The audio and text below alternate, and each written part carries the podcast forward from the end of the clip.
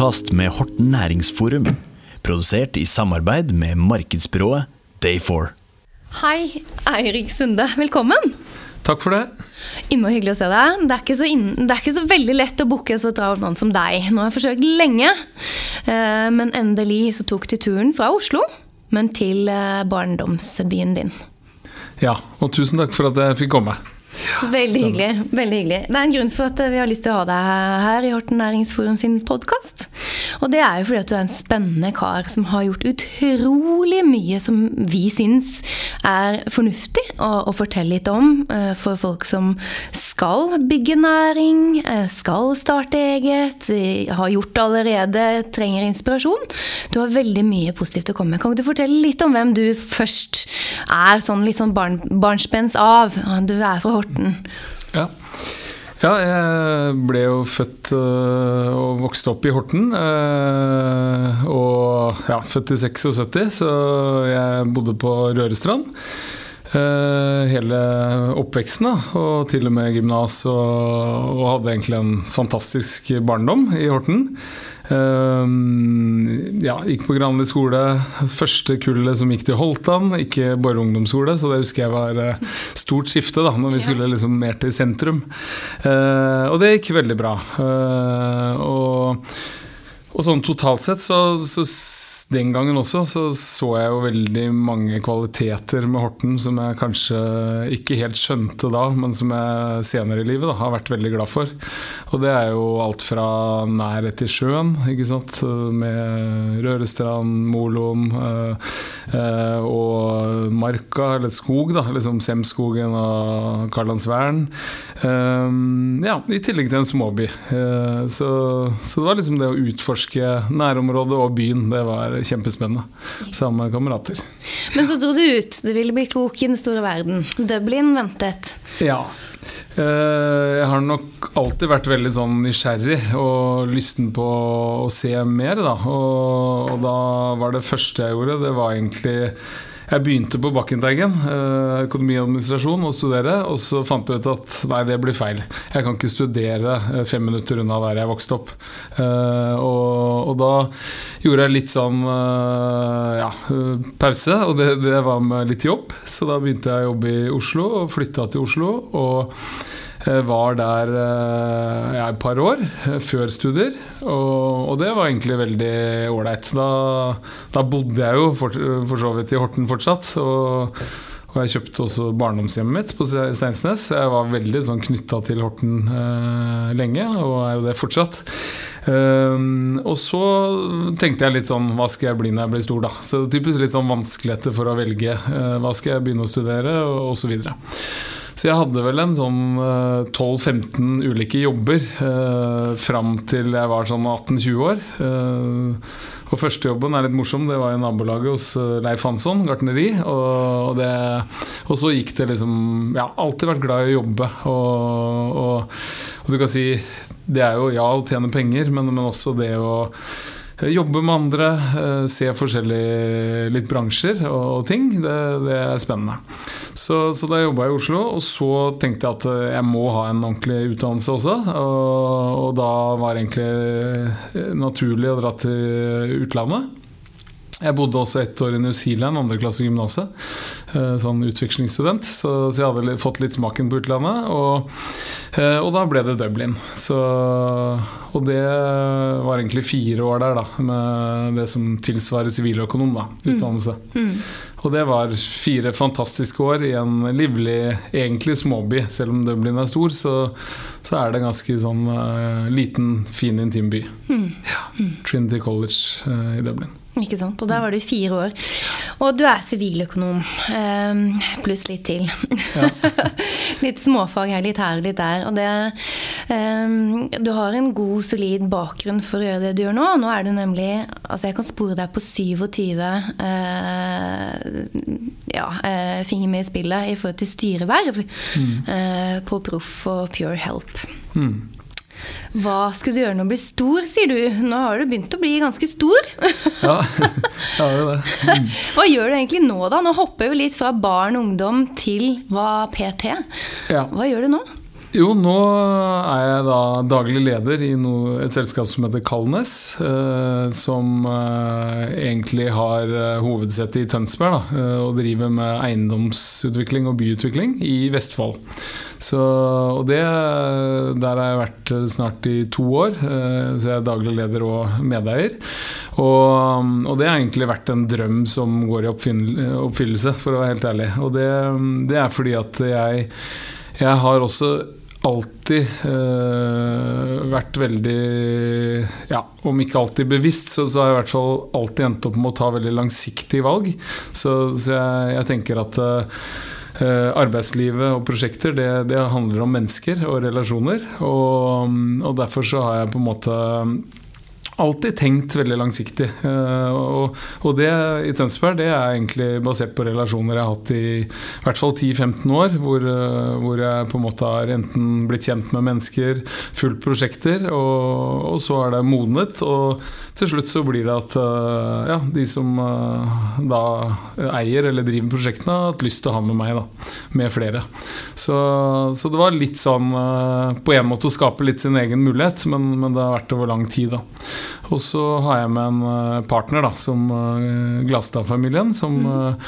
som, jeg har kjent privat. Endre Glastad, som er leder og hovedeier. Og, og, det var en veldig god match da, med, med hvordan de ønsker å investere og, og, satse på eiendom og byutvikling med mine verdier. Så, mm. så jeg tenker, tenker flere tiår framover egentlig i, i, den rollen. Da, og, og det gjør du nå her du sitter også. Nå sitter ja. du faktisk i Horten, og du har fått en fot med i, i spillet her også. Ja. Godfoten. Ja. Den er her nå, er det ikke det? jo, absolutt. Og, og, du kan si jeg har hele tiden hatt lyst til å gjøre noe i Horten. For det, da har jeg bodd, og jeg bor faktisk fortsatt i Oslo, eh, men både jeg og kona mi er jo fra Horten og vokst opp her. Og, og, og så har jeg de siste ja, ti årene også hatt veldig lyst til å gjøre ting i Horten, og det skjer jo veldig mye spennende i Horten, eh, så jeg har liksom fulgt uh, mye fra sidelinjen, da, og, og via bekjente og familie og sånn. Og, og, så er det jo på en måte når man først gjør noe, så, så, så er det litt å finne noe som man kan bidra til, og, og spennende prosjekter osv. Og, så uh, og det syns jeg i, ja, i siste året så, så, har jeg på en måte sett noen muligheter og fått noen henvendelser som, som er veldig spennende. Og og det er også igjen litt relasjoner. Jeg har kjent Jon Mørk ganske lenge, og, og, han og jeg har diskutert en stund at det har vært veldig gøy å gjort noe sammen. da. Uh, og de uh, er jo blitt kjent her nå for å gjøre mye i Horten. Uh, ja. og, og, det syns jeg er kjempegøy, mye av det de er i gang med. Mm. Så nå vil det si at vi kommer til å se det mye mer av deg i Horten? Ja, jeg tror og håper det. Eh, fordi jeg har i hvert fall veldig ambisjoner her òg. Og, og, det er veldig gøy når man sammen med flere da, kan være Eh, ja, så delaktig i en byutvikling. Og når det er i hjembyen, da, eller liksom der man kommer fra, så er det ekstra, ekstra spennende. Eh, så vi har begynt sånn helt konkret, så er det ett prosjekt i, eh, i Havneparken ved siden av det som heter Bygg A, da, som gamle Redningsmuseet. Så, så kommer et Bygg B, og der, der har da Kalnes engasjert seg og, og har nå 50 eierandel da, i det prosjektet sammen med CM Utvikling med Jon Mørk og Eirik Østern og flere. Mm. Så det, det, er spennende, for det, det, ser vi på som en eh, ja, ny, ny, på en måte byutvikling mot sjøfronten i Horten. Mm. Ja. Mm. Så der håper jeg med, med, min kunnskap og erfaring og kompetanse og partnere, så håper jeg at vi har litt å bidra med. Mm. Du vet En av de andre store gutta i Norge, Røkke, han begynte som fisker. Du har søren meg vært på en fiskebåt, du òg? ja, det stemmer.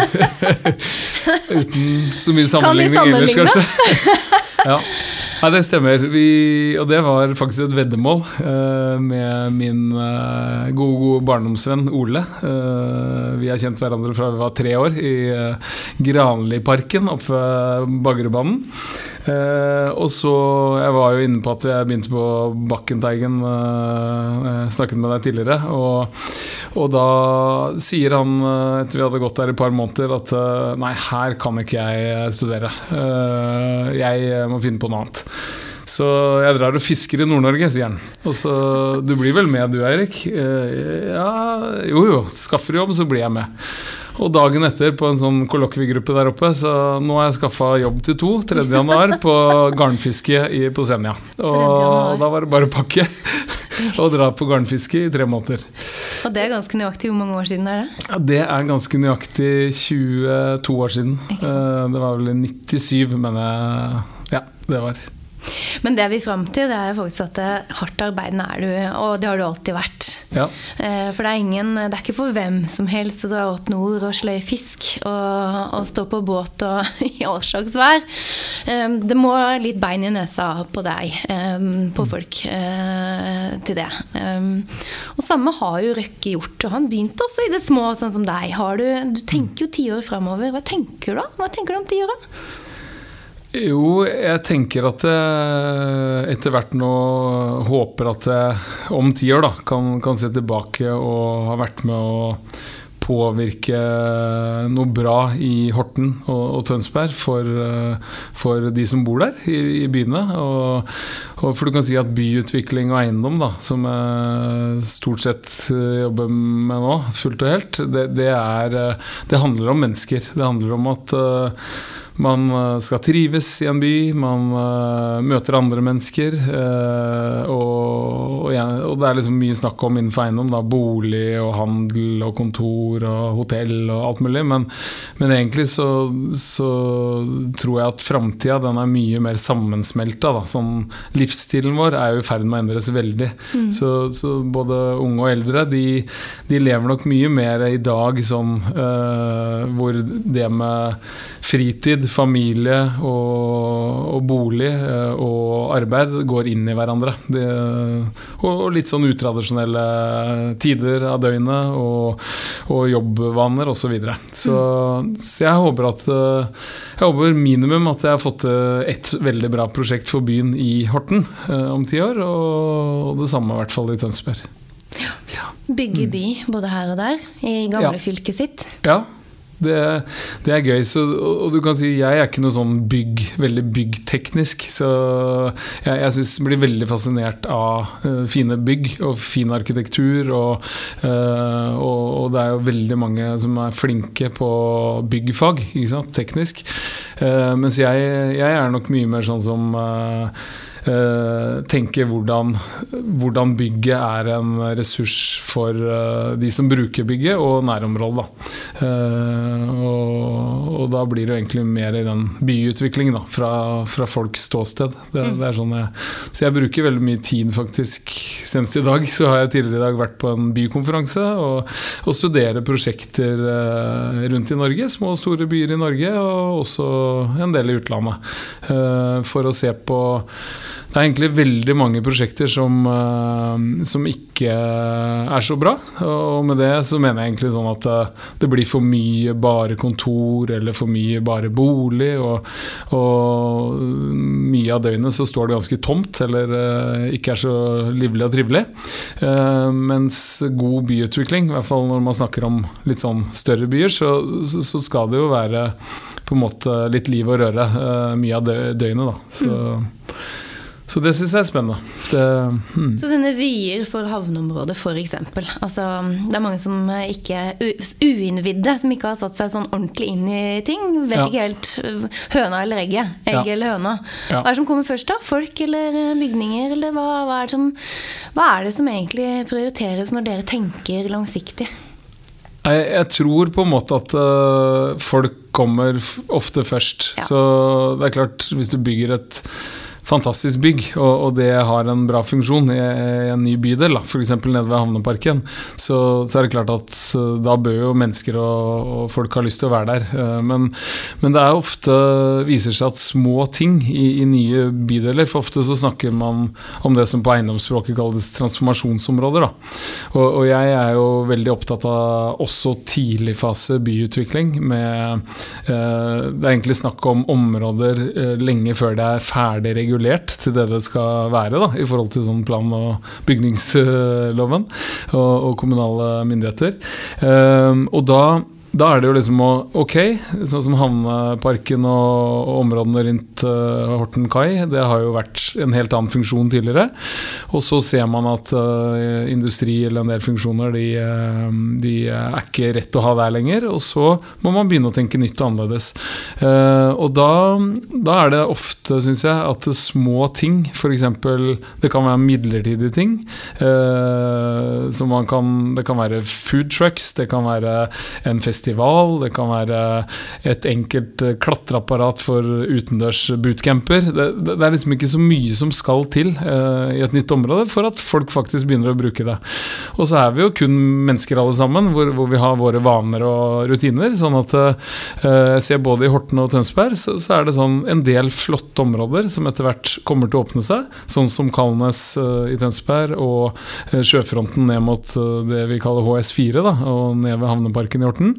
Uh, hvor det egentlig ikke har vært mulig for de fleste å ferdes. Da. Så, og da er, det, det er litt større terskel for å begynne å utforske de områdene. Mm. Og da tenker jeg Hvis vi kan legge noe sånn litt enkelt midlertidig, og der, der må jeg berømme Horten kommune veldig, fordi eh, dere har jo fått til veldig mye de siste årene. Eh, dere har mange bra initiativer. Horten Low eh, jobber tett med næringsliv, og kommunene er veldig aktive. Sånn at eh, Sånn som å prioritere da noen midlertidige ting eh, på de områdene man river gammel industri, det, det tror jeg er veldig viktig. Mm og riktig.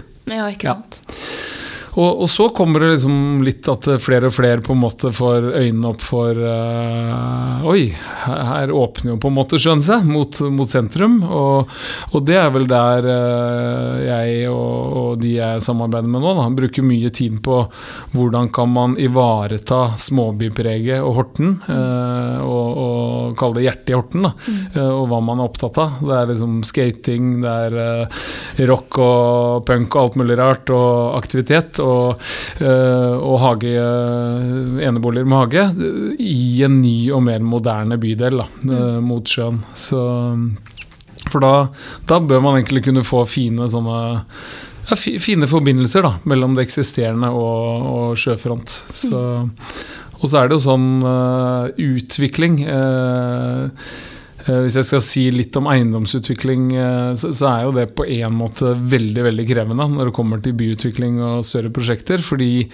det er naturlig veldig mye engasjement fra, fra, de som både bor i byen, og de som eventuelt pendler hit og jobber her. Eh, og, og det handler jo mye om at uh, man er nysgjerrig og har behov for informasjon, og man har lyst til å være med på det, mye av det som skjer. Mm. Uh, og, så, så, det tenker jeg er positivt. Så, så, er det på en måte å, uh, å prøve å på en enklest mulig måte inkludere innbyggerne da, på, på, på, det som skjer, og, og, gjerne få de til å bidra med, å skape kvaliteter da, i, i de nye områdene. Så på lag med utviklere som oss. Ja, Hva ønsker mm. du deg da å spille på lag med? Eh, altså, frivilligheten i Horten er ganske godt eh, etablert.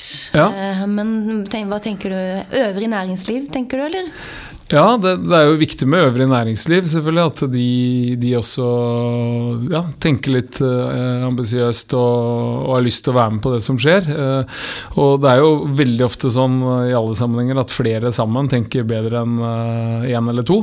Så, så jeg, jeg, har jo lagt merke til at dere også, både Næringsforum og, og kommune og Dere har veldig mange fine prosjekter og, og møteplasser hvor, hvor, mange møtes. Og, og, det tenker jeg er veldig positivt da, for, mm. for både utvikling i næringslivet og, og ja, for innbyggerne som bor her. At, mm. at det, det, er flere som prøver å dra lasset i samme retning, og, så er man jo aldri helt enig. Eh, det er sånn egentlig også innenfor eiendomsutvikling, så, så, er det at alle skal bli hørt. Men det er klart, alle får det jo ikke sånn som de vil, dessverre. For det, ingen eier utsikt, f.eks. Utsikt er veldig debattert når man utvikler. Eh, og det, det, er klart at det er noen lover og regler og politikerne til slutt som skal vedta de tingene man gjør. Mm. Eh, og, og, da må man jo veie en del eh, ting som utsikt opp mot andre kvaliteter. Da. Mm. Ja. Mm. Så forhåpentligvis gjør man flest mulig fornøyd med med resultatet. Forhåpentligvis kan du se deg tilbake på et eh, ordentlig eh, signalbygg i, eh, i Horten, hjembyen din. Ja, Som også folk ferdes og trives. Det Ja. er viktig. det håper jeg. Ja, absolutt. Hadde det ikke vært for din kjære, da, um, som er lege Mm. ehm, Hadde dere flyttet tilbake da, eller? Jeg vet at det er noe Det er en annonse ute nå fra sykehuset i Vestfold Ja, nettopp. En overlegestilling der. Ja. Nei, jeg har, eh, jeg har jo hatt ønske, egentlig, jeg, med, om å flytte tilbake, i hvert fall til Vestfold. Nå jobber jeg i Tønsberg, jeg jobber i Horten. eh, Og det er klart, jeg, jeg ser veldig på ja, Horten-Tønsberg som ett, da. Som eh, akkurat hvor man bor og jobber, så, så tenker jeg at eh, det vokser jo mer og mer sammen. Så, men, men det er klart, vi har diskutert det mange ganger, og vi har jo mange venner som har blitt her hele tiden, og, og noen har uh, bodd andre steder og flyttet tilbake. Og, så så det, det frister, det må jeg si. Så, men så er det jo litt sånn eh, Vi har barn på åtte og ti år, og de er i gang med skole og, og sitt nærmiljø, og vi bor på Kjelsås i Oslo og, og trives jo veldig bra med det. Så pluss da litt sånn jobbforpliktelser for, Ja. for kona mi på Ullevål sykehus, da. Ikke Så sant. ja. Man får mye for, man får mye for pengene for Kjelsås-hus i forhold til eh, eh, å kjøpe seg noe på Steinsnes. Granli har det jo godt på selv. Nå er den jo splitter ny. Det er plass til to til der, er jeg helt sikker på. Nettopp. Ja da, så det er ikke Det er lett å se det økonomisk fornuftige å flytte. Ja da, nei, jeg skal ikke Det er sånn at bordet fanger. Når du først sitter her, så er Ja det litt ja sånn også. Nei. Ja. Men, Men, eh, men konklusjonen er vel egentlig at det er lettere for meg å pendle og være litt fleksibel eh, enn for kona mi. ja, ja. Og da er det jo litt, eh, som alle vet med barn, så er det litt logistikk og hektisk timeplan. Så, så da, da er det sånn foreløpig. Og. Men jeg er jo jeg, da, er jo her veldig mye. Så jeg er vel én til to netter i uka i Horten eller Tønsberg, og jobber her stort sett hver dag. Ja, ikke sant. Mm. Og det er jo sånn at eh, distansen mellom Oslo og Horten-Tønsberg det er jo mindre og mindre. Det blir nesten som sånn suburb å regne i større byer i, i, i verdenssammenheng. Ja. Det er jo det. Altså Fra Tønsberg til Horten så er det egentlig bare en trikkestopp fra øst til vest i, i Oslo. Ja. Sammenligning, til, til sammenligning. Så man må kanskje begynne å justere hodene litt på det, og tenke at eh, vi er jo søren ikke langt unna. Nei. Jeg Og med det- fremtiden Ja. I forhold til eh, kortere kommunikasjon, flere filer, Mm. ikke sant? også i forhold til eh, togtraseer, og kanskje artificial intelligence eh, inne i bildet her også, som du eh, Mm. har begynt å bruke mer av. Kanskje vi kunne fått noen autonome ja, nettopp. skip, ja fartøy, småfartøy, som kan sjøfle folk fram og tilbake til byene. Nettopp. Ja, Hva tenker det- du om det? Jo, det er kjempespennende. Så, så jeg er jo helt enig med deg. Det, det er jo en ja, tekno, Jeg er ikke en teknolog, men jeg følger med på mye spennende ting. Eh, og, og det er klart at eh, litt det jeg var inne på i stad, hvordan vi nå lever og jobber og eh, ja, bruker tid i fritid osv., det, det kommer til å endre seg, det er jeg helt sikker på. Det som fortsatt kommer til å være viktig, er jo det nære og, og de man er glad i. ikke sant? Og, og familie og gode kolleger. Og, og, og så blir det helt andre Ja, på en måte sikkert eh, kollektivtilbud, eh, reisevaner. det er ikke sikkert vi kjører egen bil om 10 eller 20 år. Mye kommer til å endre seg. Um, og det er klart at Vestfold da, med Horten, Tønsberg og, og byer, byer som Holmestrand, Sandefjord, de, det, det er jo eh, Det er snakk om veldig små avstander. Så så, så, så det er klart at eh, det er veldig sunt med den Sånn som jeg opplever da, konkurransen mellom Vestfoldbyene. Det, det er veldig sunt. Men samtidig så må man også heie på hverandre. For, for det som er bra for uh, Horten, det er bra for Tønsberg, og, og motsatt. Det, um, så skal det være konkurranse. Mm, det er sunt, det. Og Ja. det bringer meg litt inn på um, eh, et prosjekt også som du har i Tønsberg uh, i forhold til eh, Slottsfjellskolen. Ja, nettopp. Det er litt spennende. Fortell. Ja, ja. vi- vi har jo da Slottsfjellskolen, som ligger rett ved Slottsfjellet i Tønsberg. Det er en gammel skole, som er over 100 år gammel. Eh, og den er egentlig veldig flott. Eh, eiendomsmessig helt unik. Den, den er liksom svever litt over byen, da. Det er en gammelt majestetisk bygg. Men så er det veldig vanskelig på én måte å finne ut av hva skal man gjøre med det bygget. Så, så det var tidligere kommune og fylkeskommunen som eide det, og de har jo drevet skole kjempelenge der. Uh, og så sto det tomt når skolen flyttet, og sto forfalt. Og så kjøpte ja, tidligere eier i selskapet som jeg leder, da, kjøpte skolen. og og tenkte egentlig her må vi finne på noe. Uh, og da ble det renovert litt, og vi har fått inn en god del leietagere, sånn som Steinerskolen videregående og noe som heter K2 utdanning. Så, så, vi prøver å fylle bygget egentlig med skole da, og utdanning. Mm. Uh, og så var det veldig gøy, da, for i fjor så da, da fikk vi en henvendelse om uh, Skagerrak International School. De har jo drevet nå 27 år i Sandefjord. Eh, med stor suksess. De eh, driver både grunnskole, barne- og ungdomsskole og videregående skole. Eh, jeg tror det er 450 elever og 75 årsverk. Veldig bra for Sandefjord og regionen, og egentlig hele Vestfold, det òg, da. De ønsker å etablere en ny skole i tillegg til Sandefjord i Tønsberg. Barne- og ungdomsskole. Uh, og det vil de gjerne ha på Slottsfjellskolen, så, så, vi har signert en avtale om at vi håper å få til det med start i 2020. Mm. Og da, da, tenker jeg igjen uh, Vi møttes jo for litt siden i en sammenheng hvor, hvor, vi egentlig tenker at det er bra for også nabokommunene og, og, byene. Så det er klart at hvis Tønsberg har en internasjonal skole, så, så vil jo næringslivet i Horten uh, bli enda mer attraktivt. For da, da, vil de som vurderer å ja, flytte hit eller uh, begynne å jobbe her eller fortsette å bli her, de, de har et tilbud som mm. er bra. Og igjen et kvarter, 20 minutter med buss eller eller tog eller uh, bil, det, det, er ikke langt. Hvis, hvis, andre ting stemmer, da. Ikke sant. Ja. Det er nettopp det. Og, det, er og, hvorfor er det bra for Horten, kan kanskje mange lure på. Det er jo nettopp det uh, som er hovedpoenget her. Ja. Uh, altså det er korte distanser mellom byene i Vestfold, så vi må tenke litt mer over ett. Ja. Um, og rekrutteringsmulighetene av gode ingeniører mm. til teknologibyen Horten. Mm. Det er der den skolen også gjerne kommer inn i forhold til de største selskapene i Horten kommune Nettopp. tiltrekker seg den slags type kompetanse. Og da trenger de også skole til barna sine. Ja. Og dette er gjerne internasjonale aktører? Nettopp. Eller kandidater, da. Ja. Eh, som søker den slags jobber. Ja. Og det er klart, da kan faktisk, eh, satt på spissen, så kan eh, det at det blir en internasjonal skole i Tønsberg, være avgjørende for om en utenlandsk familie f.eks. flytter til Horten ja. og, og, velger å takke ja til den jobben som de sikkert har stor kompetanse for. Da. For det, det, kommer flere og flere internasjonale skoler i norske byer. Så sånn, til sammenligning så, så, vet jeg det er uh, fire-fem internasjonale skoler i Østfold. Og det er klart at uh, da, da, kan det jo være det som avgjør, faktisk, om, om, en utenlandsk familie flytter til Østfold eller Vestfold. Ja. ja. Så, så hele på en måte, litt sånn oppsummert, så, så, hele Vestfold er egentlig et, som jeg ser det i hvert fall, bo, et felles bo- og arbeidsmarked. Uh, og he, alle byer rundt Oslofjorden de, uh, og rundt Oslo generelt.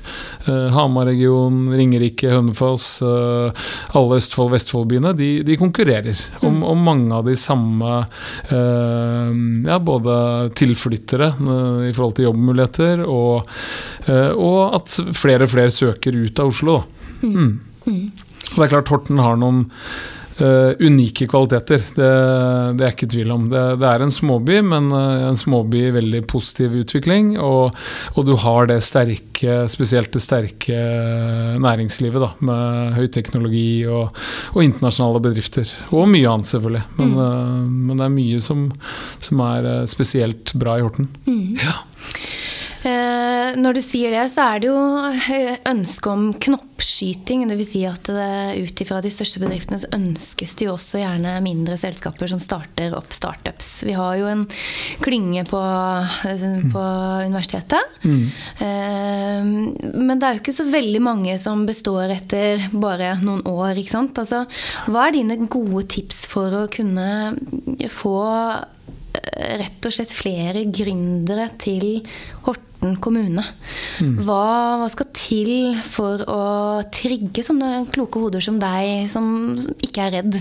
Ja. Kan slå inn fisk, brette opp armene og stå på. For det er det som også skal til, i tillegg Ja. til den økonomiske delen av å se jorda gå rundt da, i en bedrift. Ja. Hva er det som skal til egentlig for at vi skal fasilitere flere gründere? Ja, det er et veldig godt spørsmål, og, og det er ikke noe enkelt svar på det. Men øh, jeg kan prøve å si litt sånn jeg ser på det, og da, da er det jo sånn at øh, Du kan si gründerlivet er jo egentlig veldig tøft, ikke sant, på en måte. Fordi at uh, jeg kjenner veldig mange, også i Horten, som, som går liksom med den drømmen Uh, Sier man er i en fast jobb og har vært det lenge, og kanskje til og med i det offentlige, hvor det er veldig, føles veldig trygt og godt, og, og sikkert er det. Uh, så, så er det sånn Skal jeg tørre å leve ut drømmen ikke sant, om et eller annet? Og, og det er jo sånn Jeg syns også det er litt viktig å skille mellom gründere og oppfinnere. For, for ofte så er det sånn at øh, må man være liksom rakettforsker for å begynne noe eget, og det, og det må man jo ikke. Så, så jeg tror de, de færreste er oppfinnere, og oppfinnere kan ofte kanskje bli litt sånn vel sære på, uten å forklandre noen oppfinnere. Så, så er det sånn, det er mye forskning, og det er, det er mye unikt, men, øh, men det må jo også komme ut i markedet, ikke sant? Og, og man må kunne leve av det. Så, og der tenker jeg at øh, selv egentlig de enkleste ja, forretningsmuligheter eller drømmer, de, de kan man jo realisere. Eh, og, og det krever litt sånn litt mot, og, og, så må det ligge, legge, ligge litt til rette for det. Og, og der tenker jeg at kommunen og det offentlige, det, det har en rolle. Så, så det er klart at eh, et minimumstilbud for eh, kan du si etablerere, gründere, med et eh, kontormiljø eh, hvor man er litt tett på eksisterende, eksisterende næringsliv i Horten. Samme i Tønsberg. Det er noe som heter High Five Gründerhuset, som er drevet og primært eiet av Færder og Tønsberg kommune. De, de må være villige til å investere litt for, for å på en måte få noe verdiskapning og, og arbeidsplasser eh, ja, etablert da, tidlig fase. Um, for ellers er det andre byer som, som er uh, ganske offensive. Så, så der kan jeg som eksempel eh, Hønefoss og Ringerike. De har jeg hørt har kun de har mellom tre til fem årsverk kommunalt uh, drevet og ansatt. For, for å egentlig promotere Ringerike utenfor egen by kommune. Ja. Og det er jo veldig offensivt. ja. Ja. Det er offensivt. Og så er det ikke sikkert det er eh, det riktige, men, men man må tørre å våge litt. Både det offentlige og det private. Ja. Mm. Vi har jo også Sandefjord, Gründeriet, som nå er- søker etter daglig leder. Som ingen her skal søke på, hvis de hører. For, vi trenger all kompetansen her. Nettopp. nettopp. Men du sitter jo altså, Vi skal ikke være så redd for å tenke konkurranse, det er derfor jeg også sier det. Mm. Eh, og, og det å ut og høste litt kompetanse ute, for utenfor bysgrensene så er det mye å erverve selvfølgelig av livserfaring og, og jobberfaring. Ja. Men kom tilbake, da. Ikke sant? Kom tilbake og bruk kompetanse Mm. Kompetansen i byen. Det er, det er fordelaktig for byen på sikt. Ja. Eh, og du sitter jo også og bidrar med de kloke hodet i dommerpaneler på forskjellige arenaer, nettopp som, som fasiliterer eh, startups. Mm. Mm. Ja da, og, det, det er veldig spennende. Du kan si uh, BI hadde en undersøkelse, faktisk, eller svær studie. Uh, jeg tror det var Torgeir Reve, da, som er professor der, som ledet den. Og, og de, uh, de så på jobber skapt innenfor det private næringsliv siste ti år. Og jeg mener den var ferdig i 2016. Eh, så de gikk ut med den i 2017. Og da, da var det 350 000 nye arbeidsplasser i Norge, eh, som den konkluderte med, eh, skapt siste ti år. Eh, En tredjedel av de arbeidsplassene var i eh, store, etablerte bedrifter, sånn som Telenor, i forhold til Horten, Kongsberg Maritim, ikke sant? store bedrifter. Eh, og resterende to tredjedeler var i nye bedrifter startet og etablert siste ti år. Og enda mer interessant, så var av de to tredjedelene som var nye bedrifter, så, så var halvparten det var i selskaper som veldig raskt gikk fra én til ti ansatte og var ti, flere enn ti ansatte. Så, så, det er klart at uh, hvis du tenker fremover, og, og, det er ikke tvil om at trenden er mer og mer at uh, flere driver selvstendig. De, de, jobber i gode fellesskap. Uh, du har jo sånne Kall det litt motord som co-working. ikke sant? Og, og, kontor Det er jo egentlig mer et moderne kontorfellesskap, mm. hvor man har spennende miljøer, fasiliteter, og, og, at det blir viktigere og viktigere. Og den studien viser jo at vi må satse på de nye bedriftene som også på en måte har livets rett, da, som, mm. som raskt vokser. Mm. For det er klart Hvis du kan satse på de, så, så, betyr det veldig veldig mange arbeidsplasser. Og så er det helt lov å feile og ikke få til ting. Jeg har eh, startet i hvert fall en 8-10-15 eh, selskaper de uh, siste 20 årene, og, og, noe har gått veldig dårlig. Og, og ja, da fungerte ikke det. Og så kastet jeg bort litt tid og litt penger, og så lærte jeg forhåpentligvis en del, og så går det bedre neste gang. Ja. Og da, da, må du ha litt mennesker rundt deg, og, som man ofte sånn på gründerspråket kaller mentorer. Da. Så, prøve å lytte til de som kan hjelpe deg. og og, ta litt nye valg og, og se nye muligheter. Så, så, er det ikke dermed sagt at du ikke kan få det til en annen gang. Så, ja. Nei, det ser jeg jo også ut ifra Proff og Pure Help, så ser jeg jo litt sånn farts, uh, fartslinja di i forhold til oppstartsselskaper, og i forhold mm. til 50-50 går bra i pluss, og, men altså en omsetning på 130 millioner, så selvfølgelig er det noe som går dårlig. Ja. Eh, sånn som du sier, men det må til. Man må tørre. Mm. Man må tørre å vinne, og man må tørre å tape. Mm. Eh, og, og, og, da gjerne lære av de som har kanskje tråkket litt opp løypa før. Er det noen mm. du har sett til da, som mentor opp gjennom årene ja. selv? Ja, det, det, er det. Du kan si sånn siste ti årene, så Og da har jeg vært partner i et selskap som, heter Bulk, som het Bulk Eiendom, som nå heter Bulk Infrastructure. Uh, og det ble etablert av Peder Nærbø og Trygve Roald i 2006. Uh, eh, og der jobbet jeg fulltid før jeg begynte i Tønsberg. Og var jo da med en fire-femårsperiode på å egentlig etablere og, og utvikle da, forretningsutvikling innenfor eh, det å skape det som kan bli verdens største grønne datasenter eh, i Norge i verden, egentlig, men det ligger da i Norge.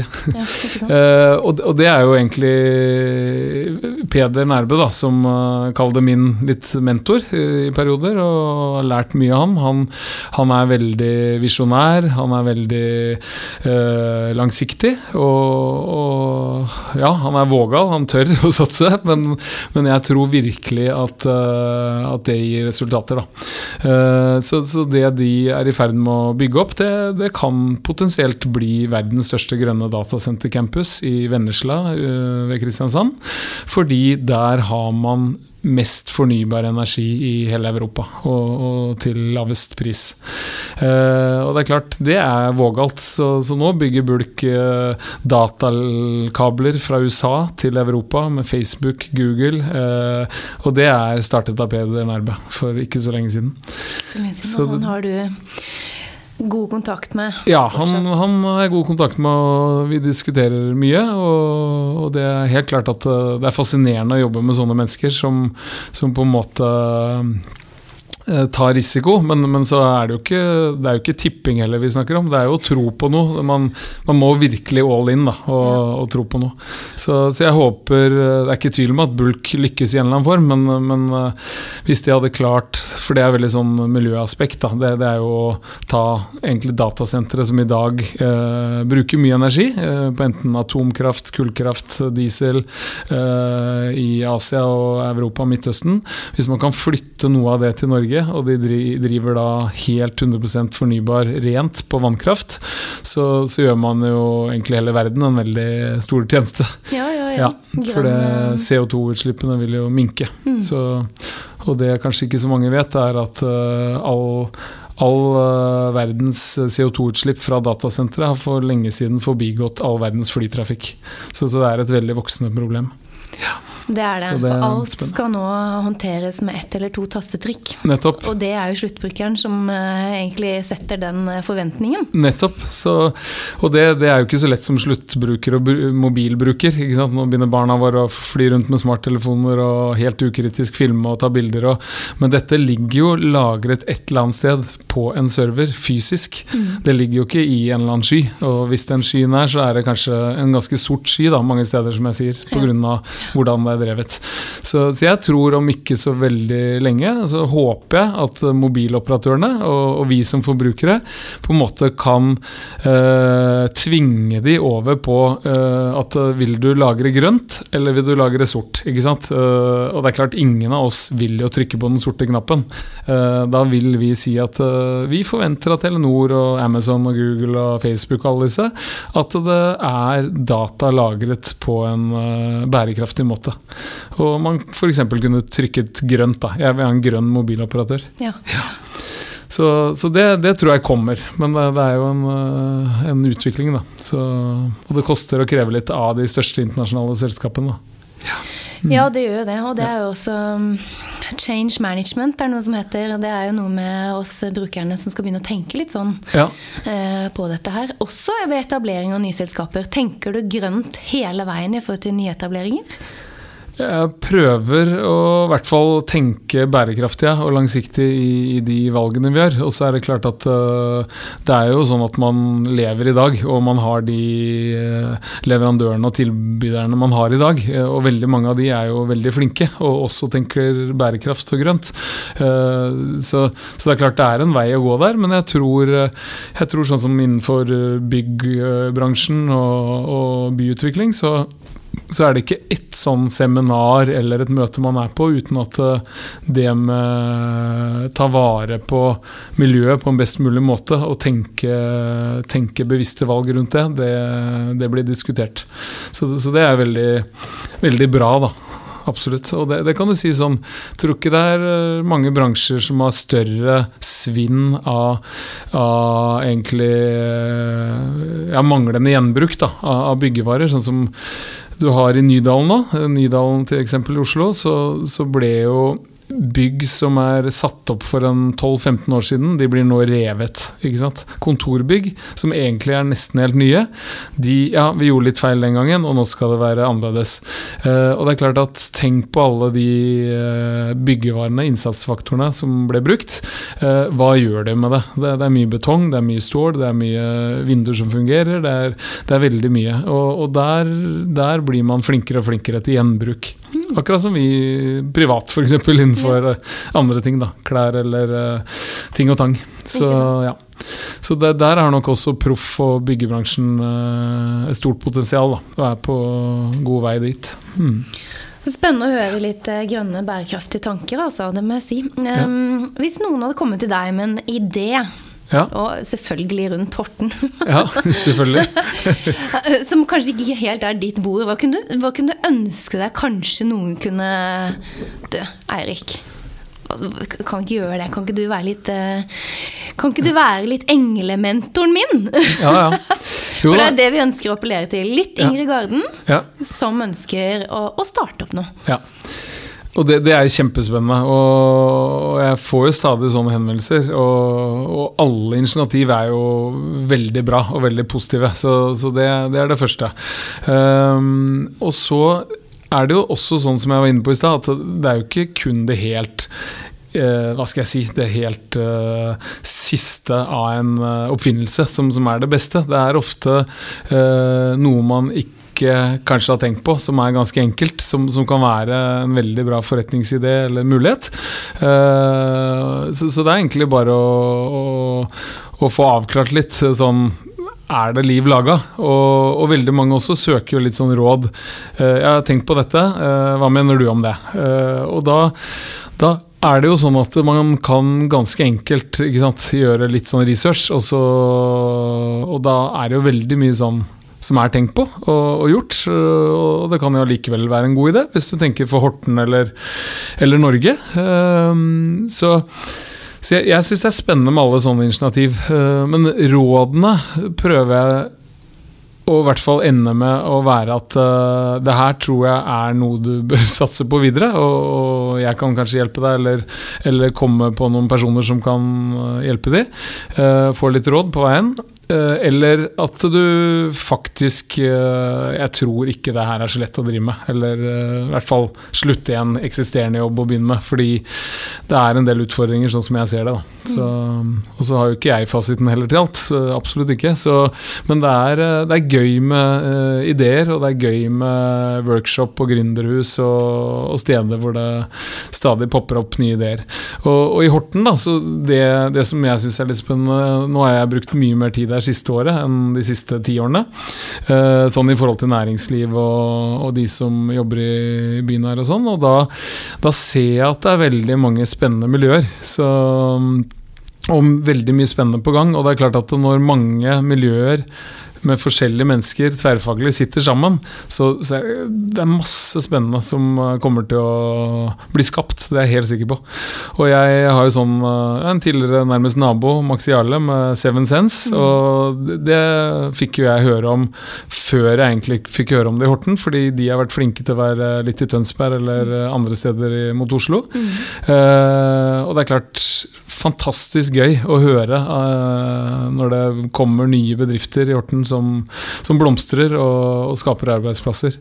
Så, så, jeg tenker at det store eksisterende næringslivet, der er det, som du var inne på i stad, mange muligheter for mindre eh, selskaper og gründere til å kunne samarbeide og, og på en måte levere tjenester, produkter rundt tid. Da. Mm. Ja.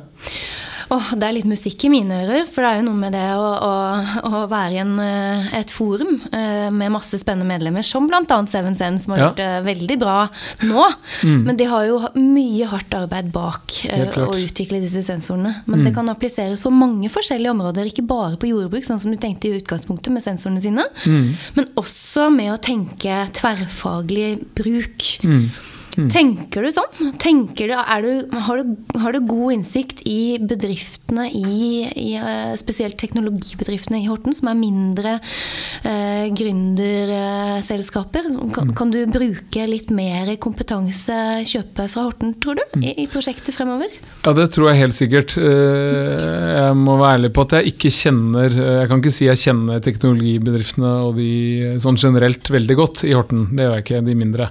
Men jeg har jo liksom liksom blitt mer og mer kjent med flere. Og, og igjen, jeg er ikke en teknolog, jeg, jeg er mer sånn at uh, Men det tror jeg også er litt positivt, da. For, for ofte så er jo teknologibedrifter startet av teknologer, ikke sant? ingeniører eller andre veldig flinke mennesker. Og så hender det at de ikke helt evner å se markedet. Og, og igjen, sånn litt syretest jeg ofte spør gründere, da, eller de som kommer med ideer, det er ja, hvem er kunden? Ikke sant? Ha, har du snakket med en potensiell kunde? Uh, for det er jo markedet. Uh, og da ofte er jo svaret ja, vi, vi snakker med de og de, men, men veldig ofte så er også svaret nei. Og, og det er klart at jeg tror man veldig tidlig bør snakke med potensielle kunder, som, som, du gjerne kan kalle samarbeidspartnere. Mm. Fordi at de har jo pulsen på sin bransje og sitt marked, mm. og, det kan hende de svarer at det her er genialt, her er det en mulighet. Her, her, er det noe som ikke er løst ennå, som, som, dere er på sporet av. Mm. og da tror jeg ikke man skal være så redd for å dele litt ideer og konsepter. For også så viser det seg at veldig mye sånn oppfinner og forskning, det, det foregår eh, Jeg tror de kaller det parallellforskning. At eh, man sitter ofte én og én i ulike garasjer, kjellere, kontorer med geniale ideer, og så er man eh, inne på mye av det samme. Mm. Så, så, helt klart, gå sammen. Gjerne ta med deg noen medgründere, mm. og få avstemt så fort som mulig med markedet. Da. Mm. Og det kan jo være piloter. Jeg er helt sikker på at sånn som i Horten, eksisterende uh, større bedrifter, de vil helt sikkert uh, samarbeide om pilotprosjekter. Mm. Og da kommer man uh, litt tidligere i gang. Mm. Og så er det en del sånne erfaringer man gjør seg da, som, uh, etter å ha startet uh, forskjellige ting, og noe har gått veldig bra, andre ting ikke så bra, så, så, er det jo at stort sett så Eller du må ha lidenskap for det du driver med, for det, for det krever såpass mye. Sånn at uh, du må på en måte bare hente energi fra, fra at du tror på det, og, og, du brenner for det du driver med. I hvert fall sånn i det lange bildet. da. Mm.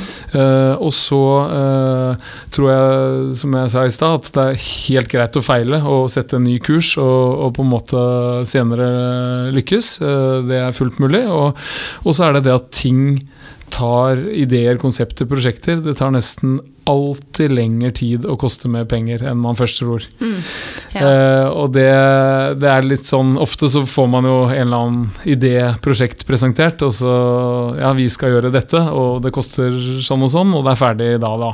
Og det kan du veldig ofte gange med to-tre, både i forhold til hva det kommer til å koste, og tid. Ikke sant. Så litt sånn bevisst ja, realist på det, da. Ja. ja. Du har jo tatt selv i bruk eh, litt eh, ikke bare intelligens, men også AI, ja. artificial intelligence, mm. i forhold til eh, byggeprosjektene. Um, Tenker du, altså, tenker du, mer bruk av teknologi eh, fremover, eller er det rett og slett eh, hardt, eh, hardt, arbeid og håndverk som må til her? Nei, Jeg tenker helt klart eh, mer bruk av teknologi. Og, og, og det du er inne på er egentlig veldig spennende, fordi eh, det skjer jo en kjempeutvikling. Så, så, sånn som når man snakker om byutvikling og Kalnes havneparken, Kalnes Tønsberg havneparken her i Horten, og, og større prosjekter, så, så, er det klart at da, da er det jo veldig mange som er eh, byplanleggere, eh, kjempekompetanse på det å bygge by, egentlig, eh, men mer tradisjonelle fagmiljøer. Og Da snakker jeg om sånn som de store Multiconsult, Rambøll, Asplan Viak Ja, det er veldig mange av de. Og de har kjempeflinke mennesker. Og de har jo sine uh, verktøy ikke sant, og metoder, som har, noe har vært brukt lenge. Og, og, de er jo i rivende utvikling på verktøy og teknologi, de òg. Men så kommer det andre kan du si, aktører da, som utfordrer veldig det etablerte. Og det syns jeg alltid har vært veldig spennende. Når, når, på en måte det skjer endringer i en bransje eller marked, uh, uh, ofte da teknologibasert, som gjør at uh, her vil det være helt andre kalde spilleregler om tre, fem eller ti år. og da har jeg og vi i Tønsberg med Kalnes, da, foreløpig for Tønsberg, men vi har brukt det litt i Horten også, mm. og har lyst til å gjøre det mer, det er at vi utfordrer de uh, etablerte, gode fagmiljøene mm. på at eh, ja, deres GIS-analyser, som det heter da, når de jobber med eiendomsprosjekter og byutvikling og, og modeller, de er kjempebra, de må man ha. Mm. Men hva med å booste det litt med f.eks. artificial intelligence? Mm. Og, og, der har jeg vært så heldig å bli kjent med en gründer som heter Håvard, som startet Spacemaker for uh, to-tre år siden. Mm. Uh, når jeg møtte han, så var de to ansatte, og i dag, uh, to år etterpå, så er de 75 ansatte. Og de satser da på en software som skal være et verktøy for uh, utbyggere, uh, arkitekter og konsulenter for å egentlig skape bedre uh, byprosjekter. Mm. Og det, det, går litt på sånn enkelt forklart, så går det på at du kan, du kan leke litt med hvordan ønsker du å ha byrommene, torgene, siktakser, som vi kaller det. Liksom utsikt til havet, til Slottsfjellet, ulike ting. men allikevel ivareta gode byggeområder da. For bolig, næring, kultur, hva som helst, egentlig. Mm. Så, og da da har vi klart faktisk med en sånn vi, Det er litt gøy. Kalnes Vest-prosjekt i Tønsberg, uh, som jeg leder, de, de, er første større byprosjekt som har en pilot med Asplan Viak og Spacemaker, hvor vi egentlig integrerer da Asplan Viak GIS-softwaren med Spacemaker-softwaren. Mm. Sånn at vi får alt dette på et webbasert plattform. Og jeg selv ikke-teknolog kan sitte og leke og fly inn i 3D og, og, og på en måte modellere en by. Da. Mm, og visualisere det hele. Visualisere Det hele. Mm. Det er jo det som er spennende, eh, og det er jo derfor jeg spør. Ja. Eh, i og med at du er eh, teknologioptimist, Ja, ja. så må vi jo lage en, en miljøskisse her i Horten som kan tilby utbyggere rett og slett et lite vareutvalg i forhold til IT-stacken. Ja. Hva kan brukes og hva kan lages, og hva er mulighetene på kryss og tvers her. Ja. For det er kun når folk møtes det blir realitet ut av det. Ja, sånn som du selv sa. 2 til 75 ansatte på et par år. Ja. Eh, og det skal jo en ressurs til eh, bak det. Ja.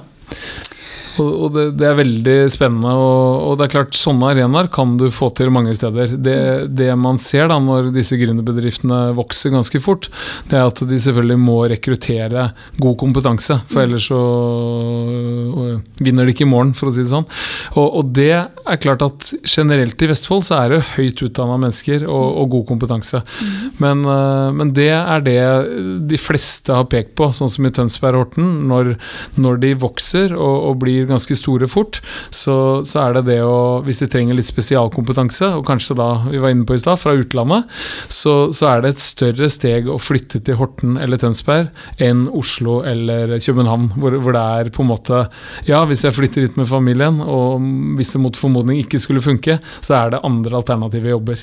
Så, så, så det er bare en vei man må gå, da, øh, for å liksom skape litt trygghet og gode, gode jobbmuligheter i, i øh, byer. Da. Så, men sånn som i Horten, det med teknologi og byutvikling og det mm, Der tenker vi også nå har vi engasjert oss litt i HS4, det er en konkurranse da, om å utvikle eh, egentlig en veldig spennende eh, tomt eh, ved siden av gjestehavna, eh, havneparken. Og, og, og den konkurransen er ikke avgjort ennå, eh, men i hvert fall eh, vi legger opp til å bruke veldig mye ja, den typen verktøy for å for også kunne vise de som skal ta beslutninger, politikerne, administrasjon i kommunen, eh, hvordan kommer dette til å bli? Uh, og da kan du dra det enda lenger. Uh, hvis du sier kan gå rett uh, ta litt brodden ut av debatten. Det er jo dette jeg var inne på litt med utsikt. At det, på en måte i byutvikling så er det ingen som eier utsikt. Og, og, og det blir ofte veldig debattert. for det er jo noen naboer til alle prosjekter. Og de må man jo spille på lag med. De må man ivareta best mulig. Men den typen verktøy kan jo også på en måte gi de god informasjon. Eh, de kan faktisk se ja, når det er ferdig, så kan det se slik og slik ut. Og så kan det være at eh, ja, men akkurat det er jeg ikke helt fornøyd med. Og så går det an kanskje å gjøre justeringer. Så, mm, så det er klart at eh, byutvikling. Eh, for å dra den sånn veldig langt, så har jeg vært på heldagsseminarer om byutvikling med tema sorgprosess. Eh, og da er det jo litt sånn du går i kjelleren før du har kommet. Men, men det har med å gjøre at eh, endringer for folk, ikke sant, om det er privat i forhold til barna, familie, jobb, alt mulig, så, så er det ny informasjon som må bearbeides. Og, og man må få mer informasjon, man må få, få mulighet til å stille spørsmål.